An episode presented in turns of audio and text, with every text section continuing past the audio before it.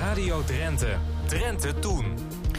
Je luistert naar de podcast van Drenthe Toen. En we beginnen zo in Assen. Over het spoor. We gaan naar het blauwe dorp, het rode dorp, het witte dorp en wat buurtjes. Sociale woningbouw, maar ook dure villa's. Of zoals een wijkagent in de jaren 70 omschreef, speklappen en biefstuk.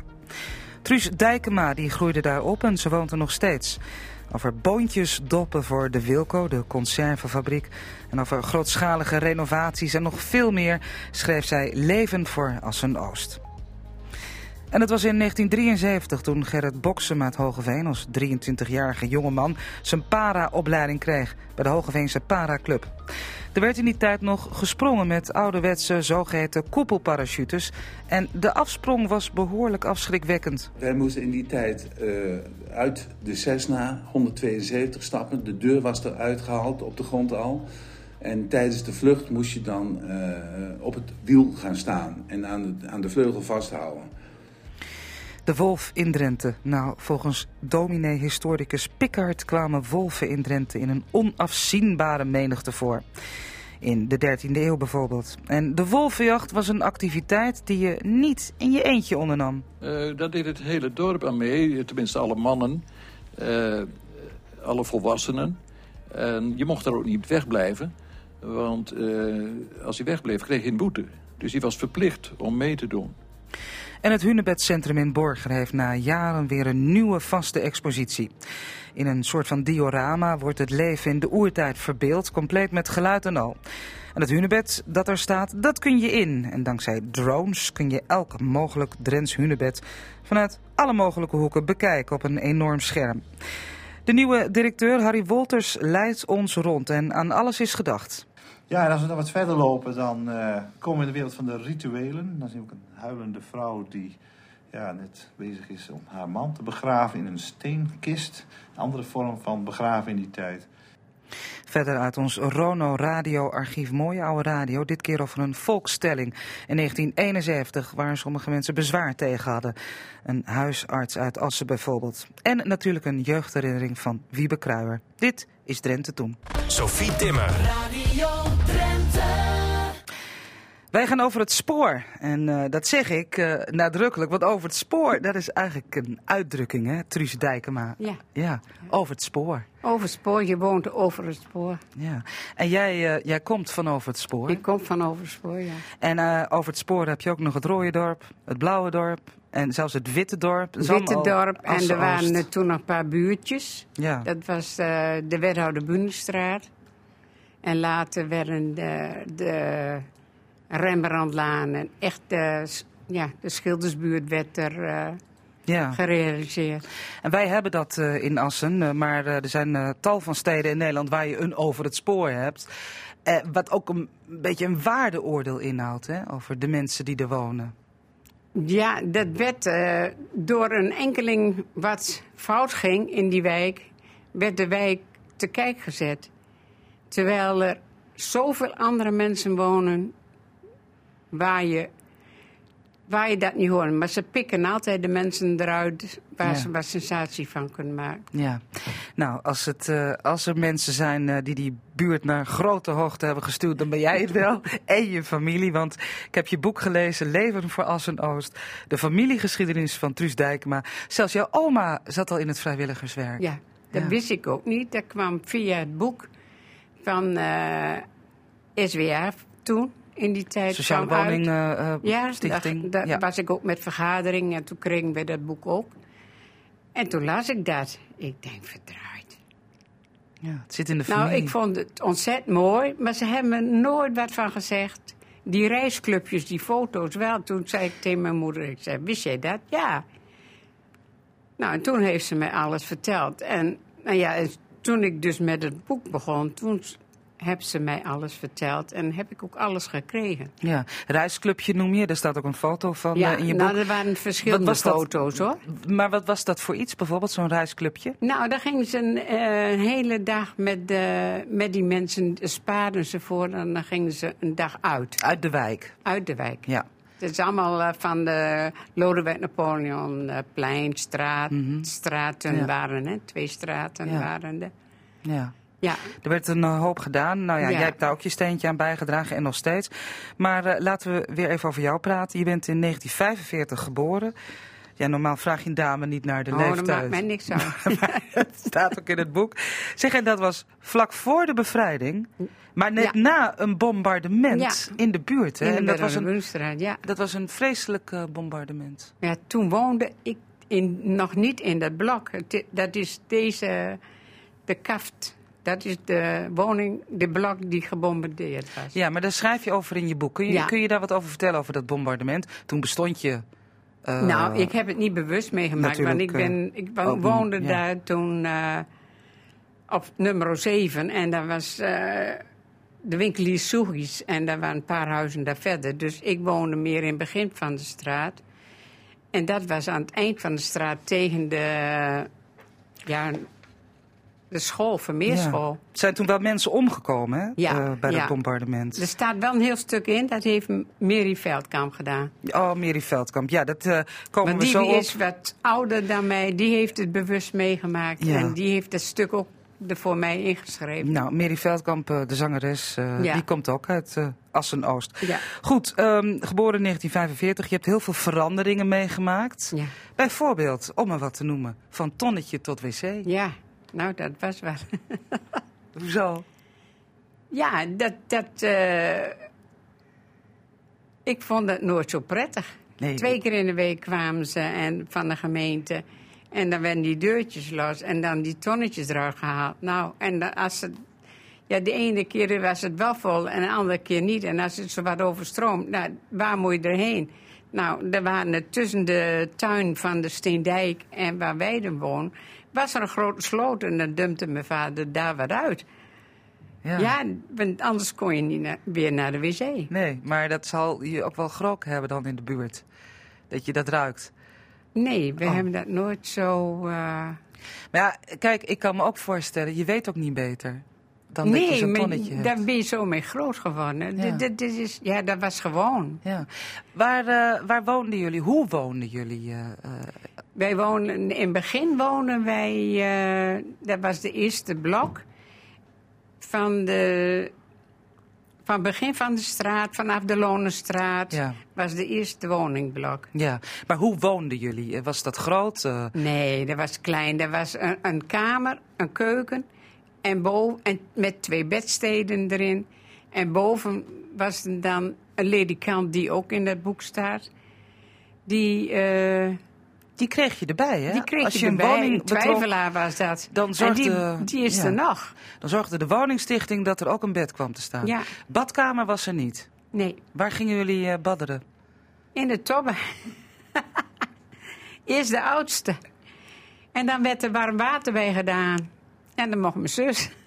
Ja. ja. Of naar het badhuis later. Later werd het naar Badhuis. Nou, daar staat er dus een fout in van een, een euro of een gulden, maar Ja. het was een kwartje. Goed, malen we niet om. Maar hoe ging dat dan in zo'n badhuis?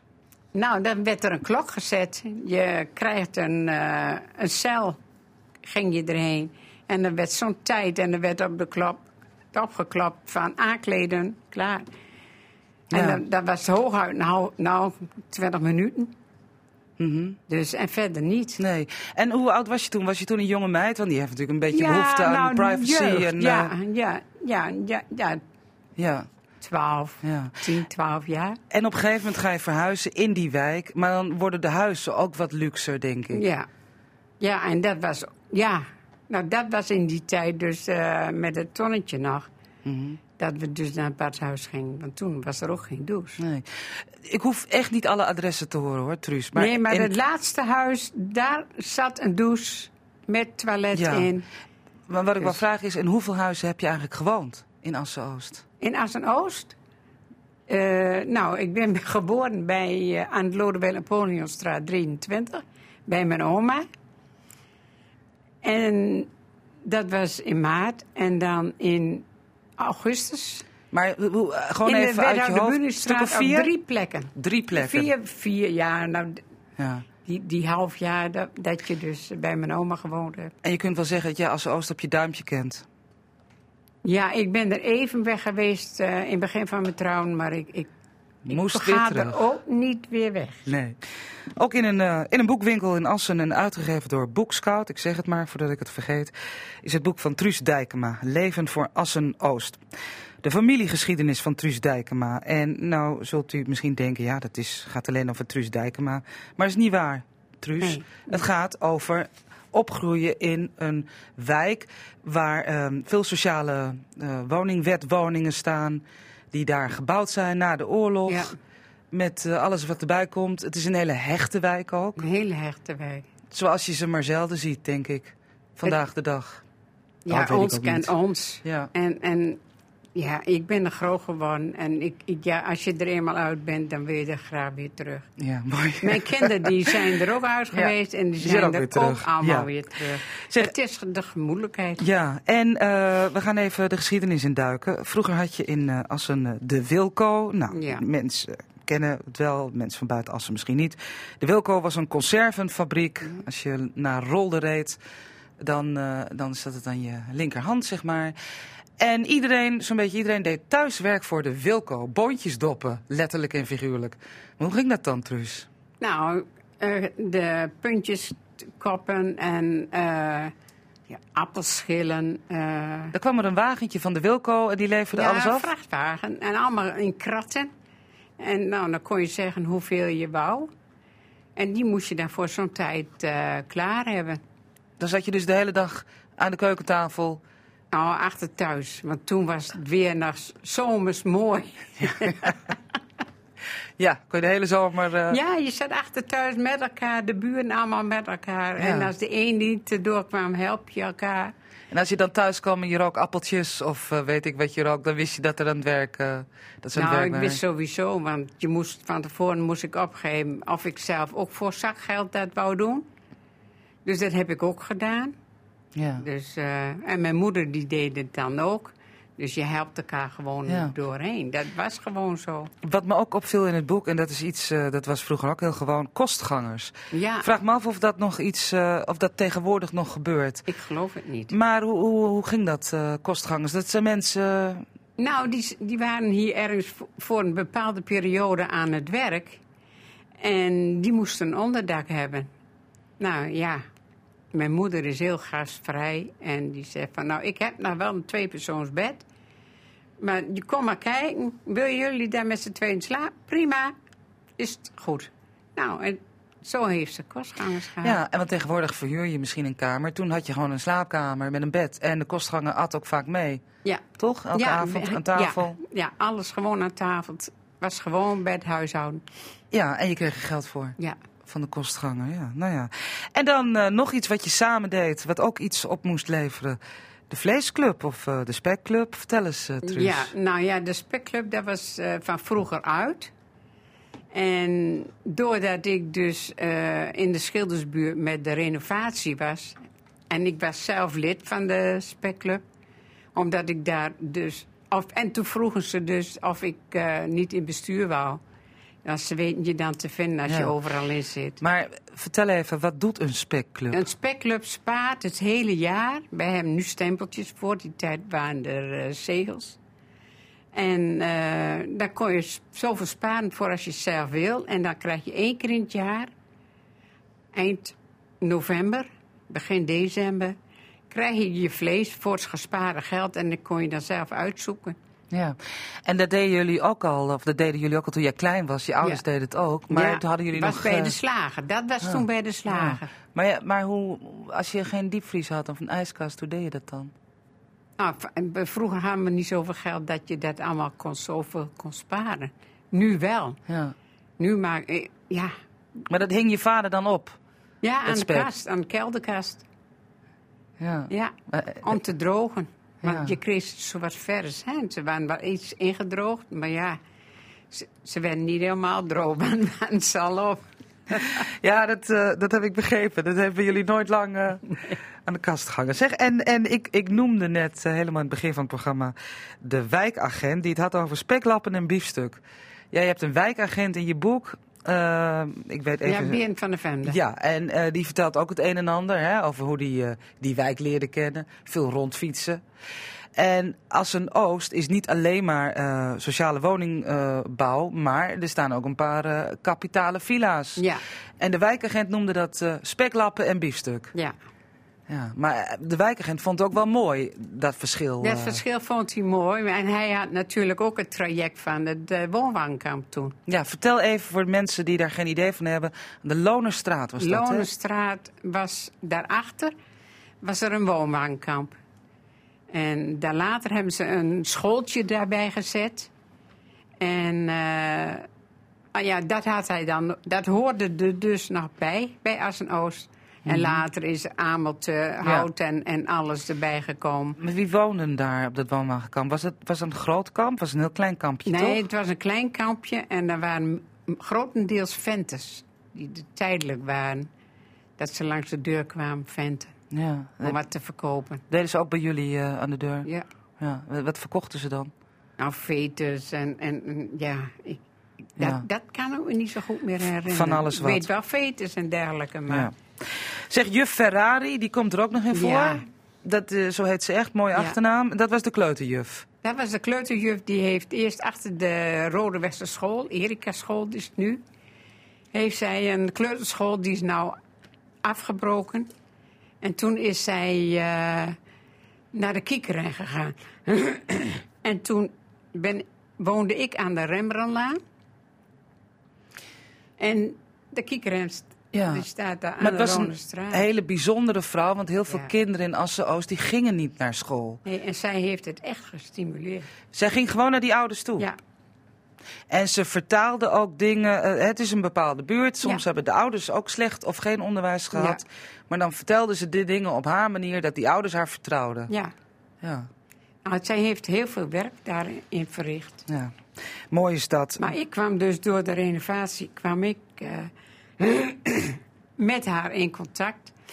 Ja. En door de jeugd, want die kreeg later een jeugdhonk daarachter de school van de Kiekeren. Nou, daar waren we bij de kinderen, die waren eh, tieners en eh, Ja. die zaten daarbij. ja, ik wou bijna zeggen, je wordt er van de wieg tot het graf verzorgd in Assen-Oost. Maar dat klinkt ook weer zo. nou ja, goed. Eh, leven voor Assen-Oost, Truus. Ben je blij dat het boek af is? Ja, het is echt, heeft me zwaar op de maag gelegen. Want ik wou het graag en ik kon het zelf niet zo voor elkaar krijgen. Niet zoals ik het graag hebben wou. En doordat ik dus het wijkfeest opgezet heb voor Assen-Oost, dat... eh, en nog steeds doe. Ja. Toen kwam je Giorgi Rinsampessi tegen. Juist. En, En hij heeft dat boek Toen voor zegt jou... hij van, eh, ik schrijf gedichten. Ja. En toen zei ik, ik zei, nou het enige wat ik nog wil, dat is het laatste. Ik zei, dan bouw ik mijn vrijwilligerswerk af. Ik zei, om dat boek uit te kunnen brengen. En Georgie heeft dat eh, voor elkaar gekregen. Ja. Hij is van vaart, welzijn, Assen. Dat eh, gezegd hebbende. Truus, ik dank je hartelijk voor jouw verhalen. Leven voor Assen-Oost eh, ligt bij een boekhandel in Assen aan de gedempte singel... en is via Boekschout te bestellen. Bedankt voor je komst. Ik zei, dank Radio Drenthe presenteert opnamen uit het archief. Ja, privacy, dat is eh, al een tijd een heet hangijzer. Maar ook in 1971 worstelde men daarmee.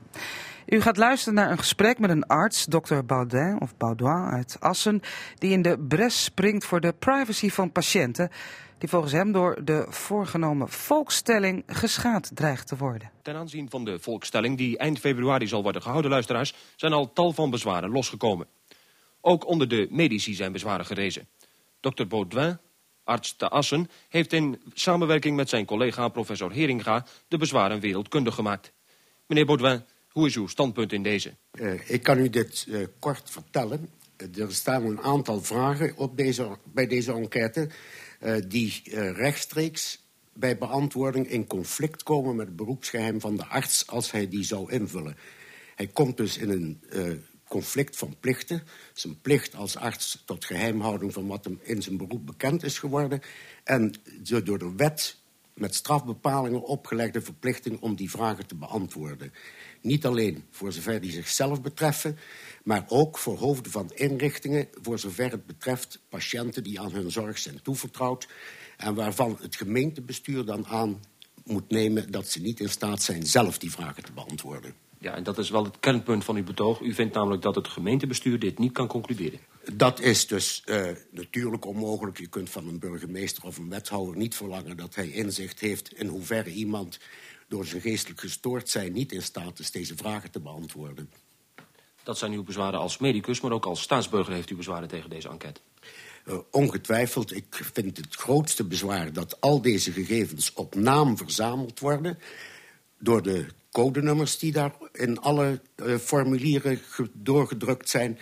En dat dus al deze gegevens nominatief ter beschikking komen van welke instantie die daar ook maar gebruik van wil maken.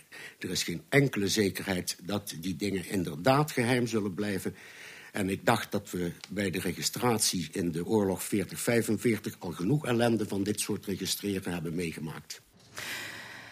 Ja, we gaan uh, luisteren naar een verhaal uit het repertoire van luchtvaartjournalist Gerrit Boksem.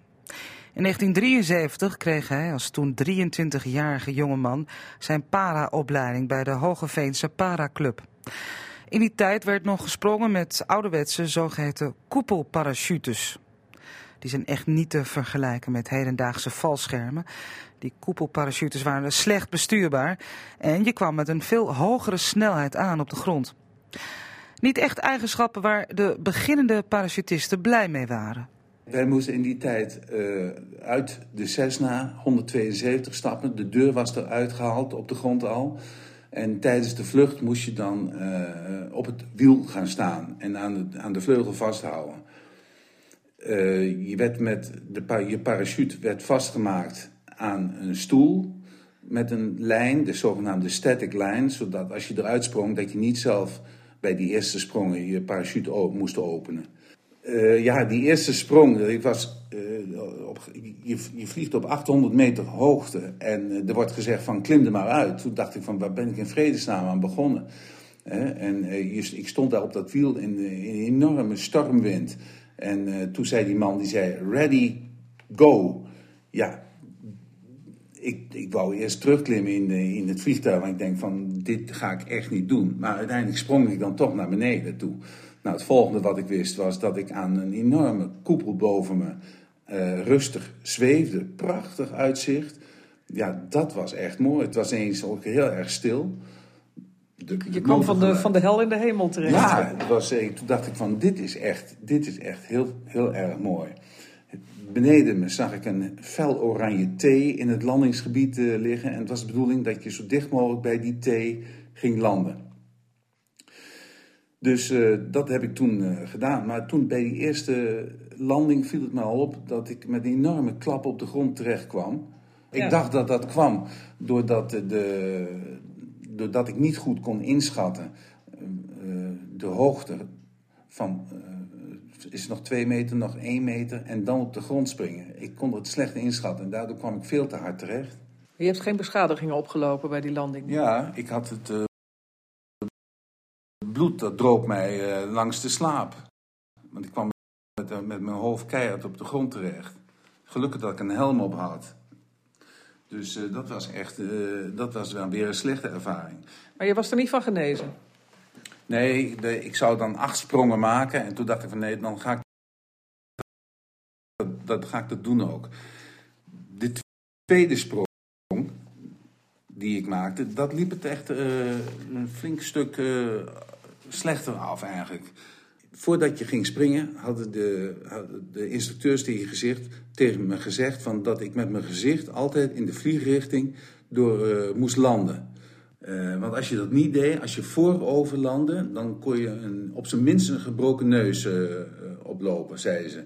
Nou, met dat schrikbeeld in mijn achterhoofd ging ik dan uh, een tweede sprong maken. Lekker ontspannen, ja. Ja, maar niet heus. Want ik dacht van, ik moet dus, in, ik moet dus achteruit vliegen...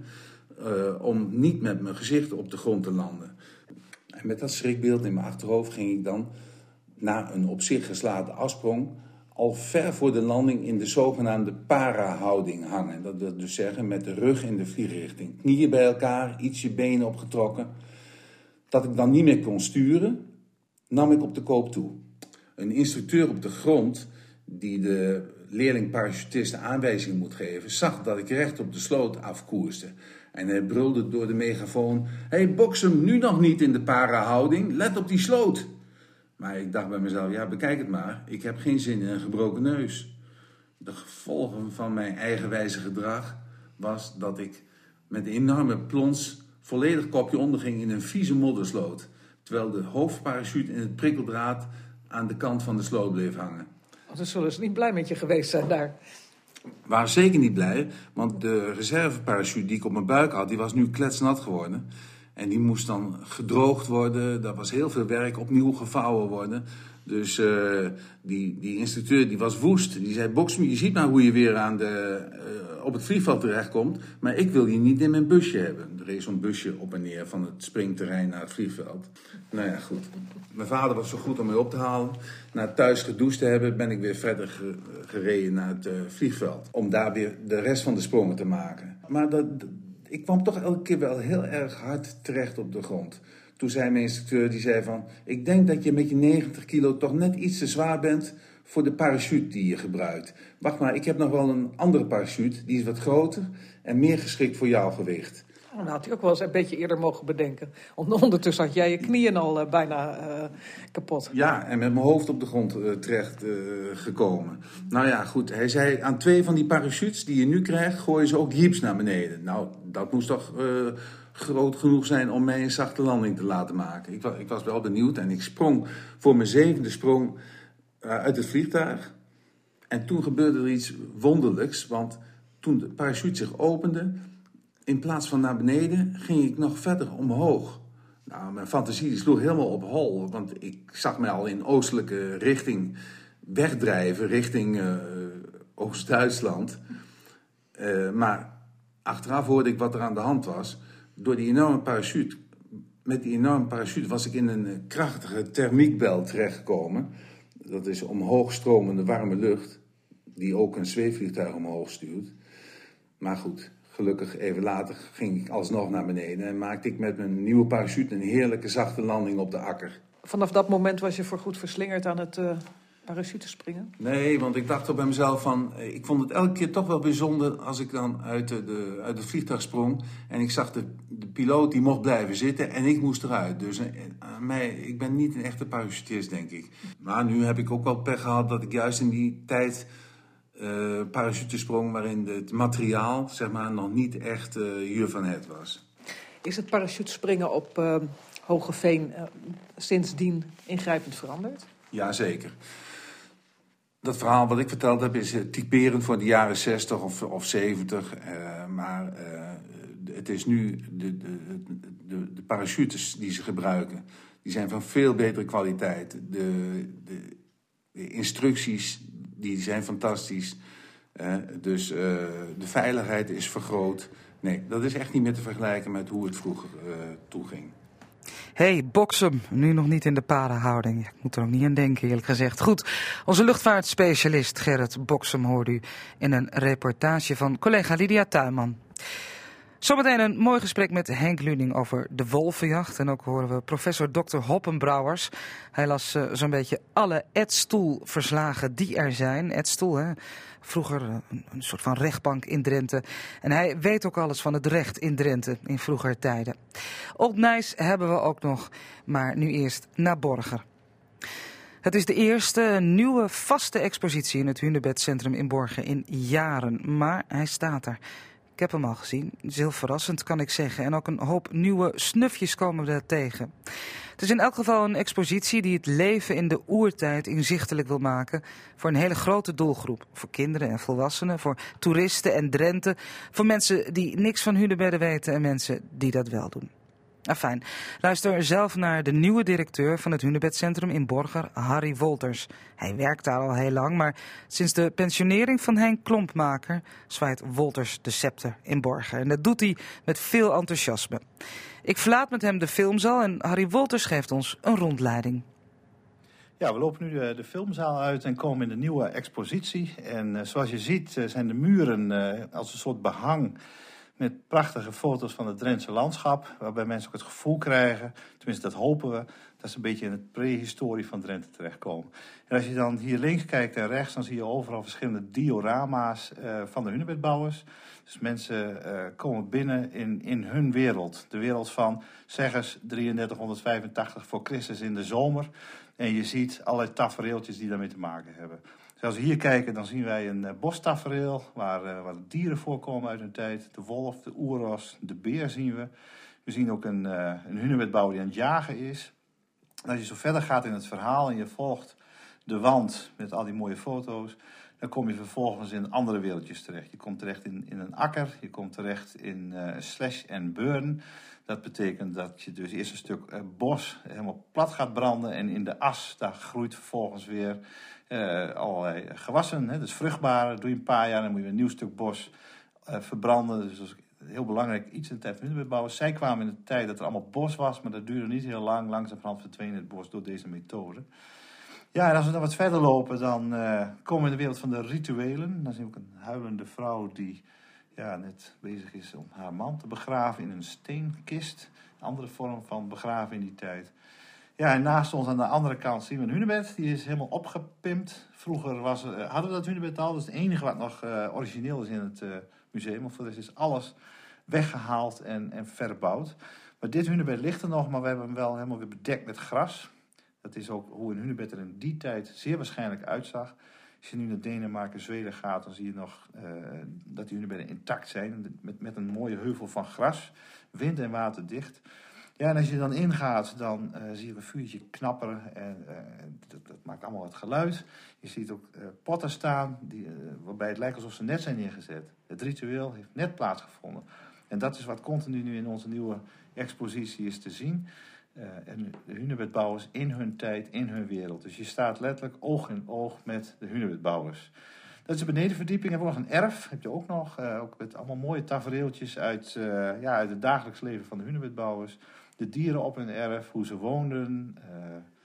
ja, granen. Je kunt je voorstellen hoe mensen in die tijd leven. Er ligt dus ook een hele sterke link met binnen-buiten. Als je bij ons buiten komt in het Oertijdpark, ja, dan kun je je voorstellen dat er echte vuurtjes branden binnen uh, veel meer uh, de kleine details van hun leven. Ja, de benedenverdieping is op die manier een beetje ingevuld. En dan hebben we nog een bovenverdieping, heel, heel anders, ook qua stijl. Dus het zijn allemaal spelletjes, games, heel erg van deze tijd. Dus mensen kunnen zowel met technieken, het knoppen en dergelijke, maar ook gewoon met je handen kun je wat doen. En dan hebben we nog een gedeelte, en dat is ook wel heel uniek, waar je op de muur alle hunebedden van Drenthe kunt zien door middel van drone-technieken. Dus we zijn heel modern bezig in het Hunebedcentrum met Omnidrones, een bedrijf in Eelde die met hele moderne drones bezig is. Van die hele grote apparaten die nu zelfs medicijnen van het UMCG naar Schiermonnikoog brengen. Daar hebben wij contact mee gehad. En daar, uh, die hebben alles vastgelegd in Drenthe wat maar vast te leggen valt in Hunebedden. En door middel van meer dan 12.000 foto's is, is een compilatie samengesteld waardoor je nu via een kaart van heel Drenthe kunt bezoeken. En alle hunebedden kunt opzoeken. Helemaal met de vingers er overheen kunt gaan. Het beweegt aan alle kanten. Echt fantastisch. Um, ook het internationale aspect krijgt daar uh, zijn aandacht. Stonehenge, Karnak, alles komt daar aan de orde. Ja, en natuurlijk een paar vitrines met allemaal prachtig aardewerk van de hunebedbouwers. En zo hebben wij denk ik uh, ja, een spectaculair nieuwe expositie om oog in oog te staan met de hunebedbouwers. Ja, letterlijk oog in oog. Er zit een heel klein hekje tussen u en de hunebedbouwers. Goed, na de officiële opening, aanstaande vrijdag 18 januari, dan is die voor genodigden, kan iedereen vanaf zaterdag terecht in het Hunebedcentrum in Borger. En ze zijn alle dagen van de week geopend. Ja, de wolf in Drenthe. Nou, in de 17e eeuw werden voor het doden van wolven premies uitgeloofd. Zo kregen de inwoners van Heiken in 1606 een bedrag van 30 gulden voor het vangen van negen jonge wolven. En in Ees ontving men 20 gulden voor zes jongen. Historisch onderzoeker Henk Luning uit Assen heeft uitgezocht hoe dat zat vroeger met Drenthe en de wolven. Nou, het, het begint eigenlijk met de oude dominee Pickard. Uh, die heeft overal wel een mening over, maar uh, die zegt dan dat ze in onafzienbare menigte voorkomen. Nou, hij zal dus wel een beetje overdrijven. Maar eh, volgens hem Eh, en dat is dan al in 1283, maar niemand weet wat hij het weg heeft. In 1283 eh, zouden er al zoveel wolven zijn geweest... eh, dat niet alleen het vee, maar zelfs de mensen uit hun graf werden geschrupt en verslonden. Nou, dat is wel heel erg. En naar aanleiding daarvan denkt hij dus dat de mensen dus eh zerken op de graven hebben gelegd. Dat is helemaal flauwekul, maar goed. Ja, de bron is niet zo betrouwbaar, maar Nee. als we de helft of misschien 80% eraf halen, dan houden we nog wel Ja, wat wolven ze, kwa- over. ze kwamen hier zeker voor, want eh, bijvoorbeeld eh, in, in 14, 1500, in, in die omstreken, daar zit je dan als je met geschreven bronnen in aanraking komt. Maar dan heb je dus al dat de inwoners van Heiken bijvoorbeeld, eh, eh, die verdeelden dan de, de premie die erop stond. Er werd al een premie uitgeloofd als je jonge wolven eh, ving. Maar die vingen negen jonge wolven. En in Ees waren er zes. En Albert Nijsing in, in Leggelo, die ving twee jonge wolven. En de een die was dood en de ander die leefde nog. En die liet hij zien in de vergaderzaal van Drost en gedeputeerden in Assen. Nou zeg. Dus eh, het was niet zo dat ze zeldzaam waren. Nee. Ehm, er werden ook eh, drijfjachten georganiseerd, hè? Ja, er waren grote jachten en die werden eigenlijk vanuit de marken, eigenlijk vanuit het schultambt moet ik zeggen, de schulte, de voorganger van de burgemeester, die hadden leiding daarbij.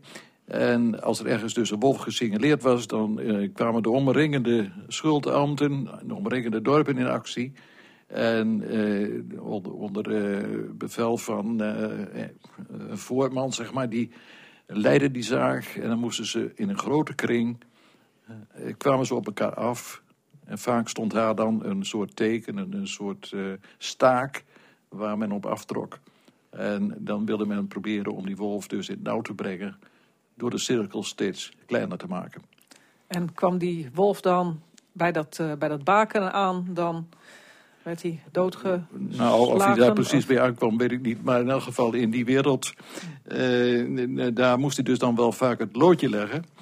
En eh, zo was er bijvoorbeeld in, in 1740 een dodelijk ongeval.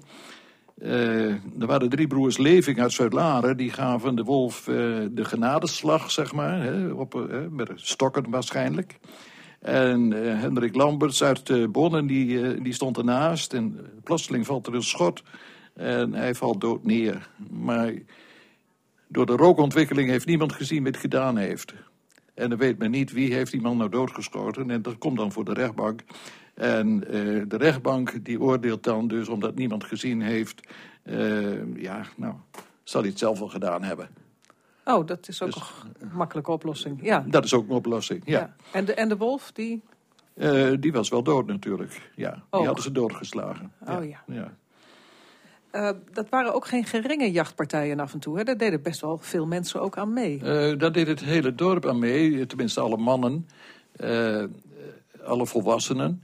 En je mocht daar ook niet wegblijven, want als hij wegbleef kreeg hij een boete. Dus hij was verplicht om mee te doen. Wat voor boetes eh, waren dat?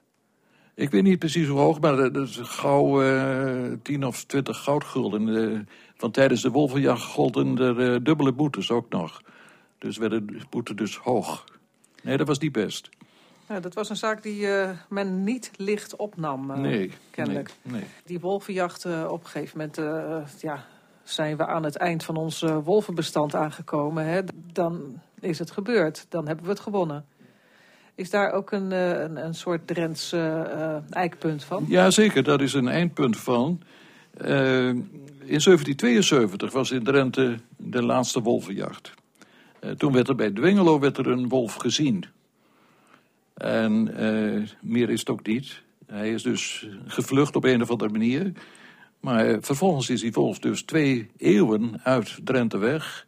En nu zitten ze er weer aan te komen.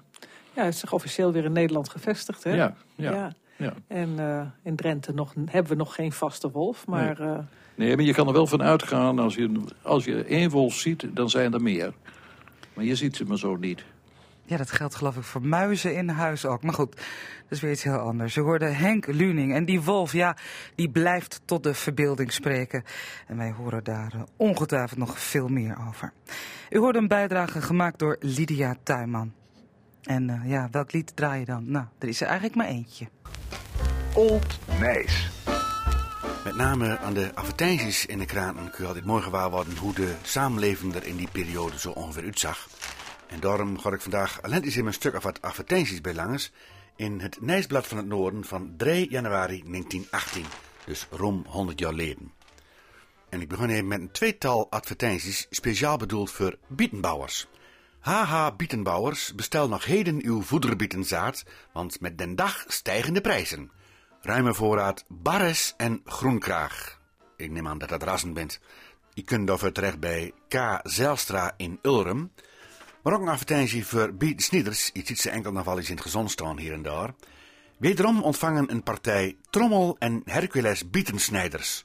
Voor het snijden van bieten, mangelwortels enzovoort. Ieder order kan thans direct weer uitgevoerd worden. De Hercules bietensnijder is een zeer gevraagde machine en wordt door geen ander merk geëvenaard of overtroffen. Die advertentie is afkomstig van de firma Gebroeders Kemper met vestiging in Winschoten in Groningen, ook aan de Groningenstraat in Assen en de Wilhelminalaan in M. Firma De Groot uit Muntendam heeft nog wel wat heidebezems in de aanbieding. Met touw of drie hoepeltjes gebonden per 100 stuks voor 12 gulden. Heideboenders per 100 stuks voor 4 gulden. Dat soort wat kleintjes west hebben. Oh, en dat is ook wel een bijzondere. VVV Leek en omstreken, ik neem aan dat dat de Vereniging voor Volksvermaking is, die organiseert een grote jaarlijkse verloting met als hoofdprijs een peert. Ja, verder landbouwwerktuigen, rijwielen enzovoort. Loten kost maar 50 cent en dan een hele trits adressen in de krant waar die loten dan wel niet te koop waren. Oh, en deze dan? 200 gulden beloning. Diefstal van 1300 liter jenever. Diegene die inlichtingen kan geven omtrent bovengenoemde diefstal, waardoor het gestolene weder in het bezit komt van de vervoerders, zal als beloning ontvangen de som van 200 gulden. Dat was een advertentie van een firma Penterman in Warfum. 1300 liter jenever sturen. Daar is op. Oh, en deze, J.L. Vonk, grossier in gedistilleerd in Ezingen, verzoekt zijn cliëntele beleefd zo spoedig mogelijk terugzending van ledige fusten, kruiken, manden en flessen. Ja, je kunt wat drank stoken, maar niks hebt om in te stoppen. Waarschuwing, zo ziet er boven de volgende advertentie. Alleen bij de Groninger caoutchoukhandel koopt u prima gummiwaren. Prijscourant wordt op aanvraag gratis toegezonden in een gesloten couvert. Gummiwaren. Oh, en daaronder, voor de vrouw. Het nieuwe uitgebreide verbeterde boek met alle inlichtingen en raadgevingen, nuttig voor elke vrouw wordt op aanvraag Franco toegezonden in gesloten couvert. Dat is een advertentie van maatschappij De Noorderpost aan het Zuiderdiep in Grunning en staat nog onder het oudste adres in het noorden. Zult dat dan ook gewoon om het oudste beroep? Mensen waren toen ook nog wel eens ergens dankbaar voor, zoals het gezamenlijk personeel van de rubberfabriek Hevea betuigt bij deze zijn hartelijke dank aan de directie voor de gratificatie op 31 december 1917 ontvangen. Mooi toch? En ik eindig even met wel twee hele bijzondere advertenties, zoals het kinderhuis in Nij-Amsterdam, die zegt kinder. Liefderijke verpleging van wezen, halfwezen en verlaten kinderen. Brieven met postzegel voor antwoord. Was getekend mevrouw E. Forsterveld, directrice van het kinderhuis in Nij-Amsterdam. En vlak daaronder een advertentie waar ik toch best in mijn bedie van schruk. Een ongehuwde moeder wenst afstand te doen van haar kindje, een meisje. Vier week oud. Brieven onder nummer 799, bureau Dezes. Hm, ik hoop dat dat echt Old Nijs is.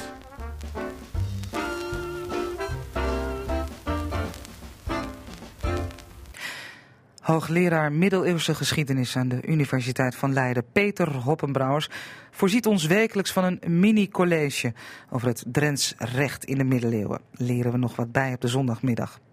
Hoppenbrouwers uh, maakte daarover vorig jaar een boek af, waarvoor hij 6000 edstoelvonnissen had bestudeerd. De periode van 1399 tot 1531. Een dikke eeuw Drentse rechtspraak dus. In dit uh, wekelijks college, zijn wekelijkse column in Drenthe toen, belicht hij steeds een ander aspect van de Drentse middeleeuwse rechtsgang.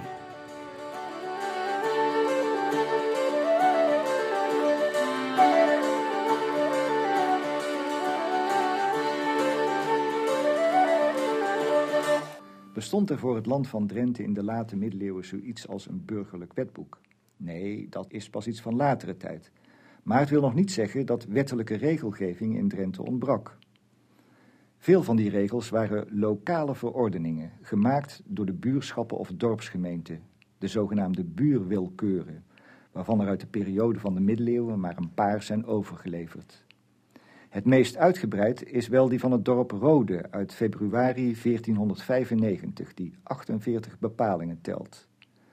Veel ervan hebben betrekking op het beheer en gebruik van zowel het bouwland op de Essen als de gemene gronden van de buurmarken. Verder gaan ze over van alles en nog wat.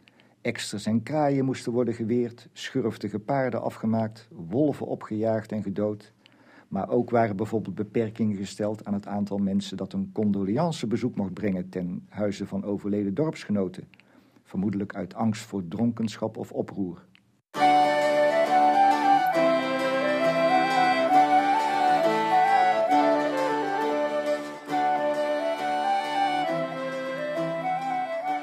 Naast dorpswilkeuren waren er ook bovenlokale regels, want in Drenthe had elk bestuurlijk niveau wetgevende bevoegdheid.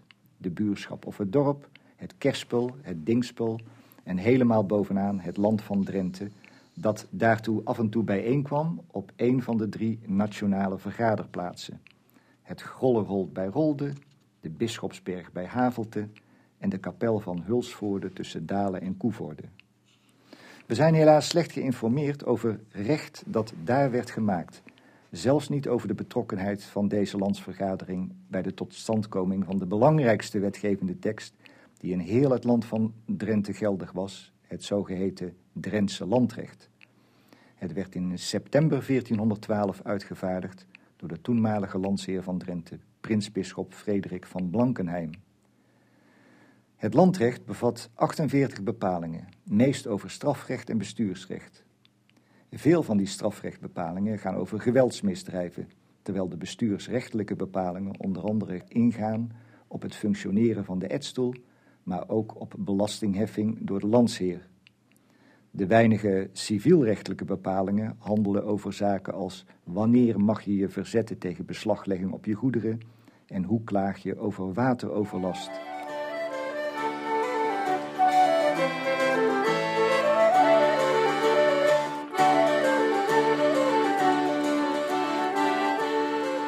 48 bepalingen lijkt heel wat, maar ze dekt natuurlijk bij lange na niet het hele terrein van het recht. We weten niet eens waarom uitgerekend de 48 zaken waarover het landrecht iets bepaalt in 1412 zo nodig geregeld moesten worden. Maar kennelijk voldeed de tekst, want het zou 35 jaar duren vooraleer het landrecht een aanvulling kreeg in de landbrief van 1447. Dat stuk telt slechts 17 bepalingen, die voornamelijk gericht zijn tegen het endemische geweld waardoor de Drentse samenleving in de late middeleeuwen kennelijk werd geteisterd. Daarna was het wachten tot het jaar 1572, toen een min of meer systematische compilatie van Drentse kostumen, dat wil zeggen gewoonterecht, op last van de Habsburgse autoriteiten op schrift werd gesteld.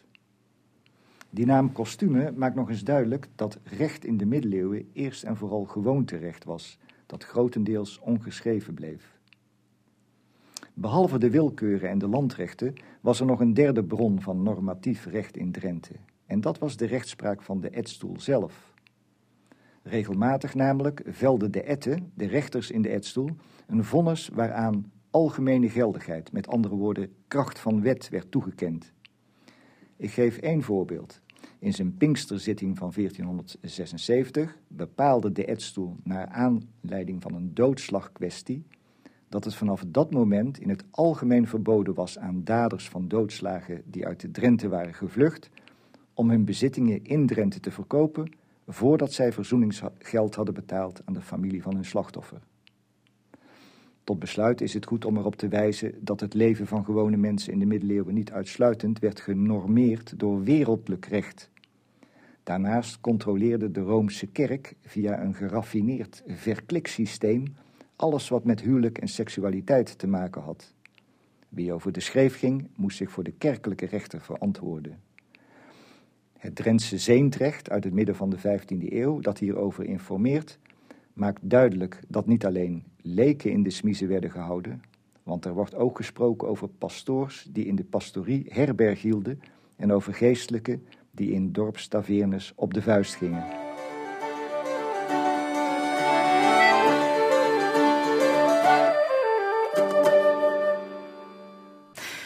Het is tijd voor onze vaste laatste uitsmijter. Wiebe Kruijer met zijn herinneringen aan een jeugd van ongeveer 75 jaar geleden. Collega Robert Oosting leest voor.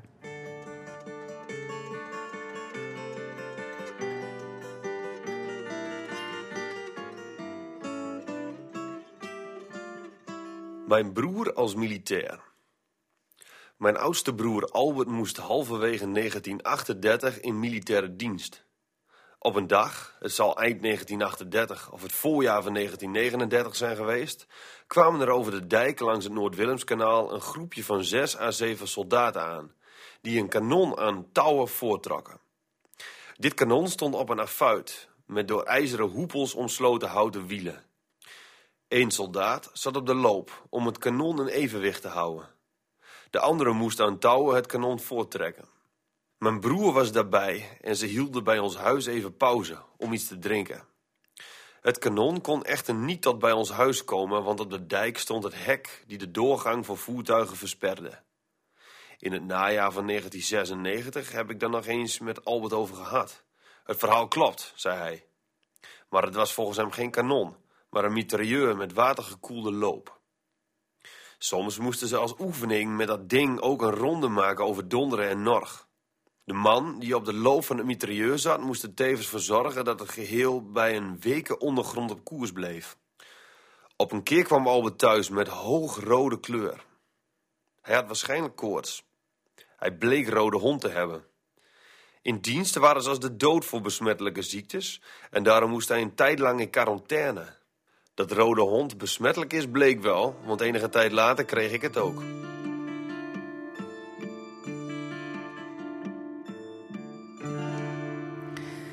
Bedankt voor het luisteren naar de podcast van Drenthe Toen. We hebben nog veel meer en ook aparte podcasts van Radio Westerbork bijvoorbeeld. Radio Drenthe heeft sowieso nog een aantal podcasts. Wat dacht je van Cassata of de Sportcast? En als je dan toch bezig bent, geef ons eens een sterretje.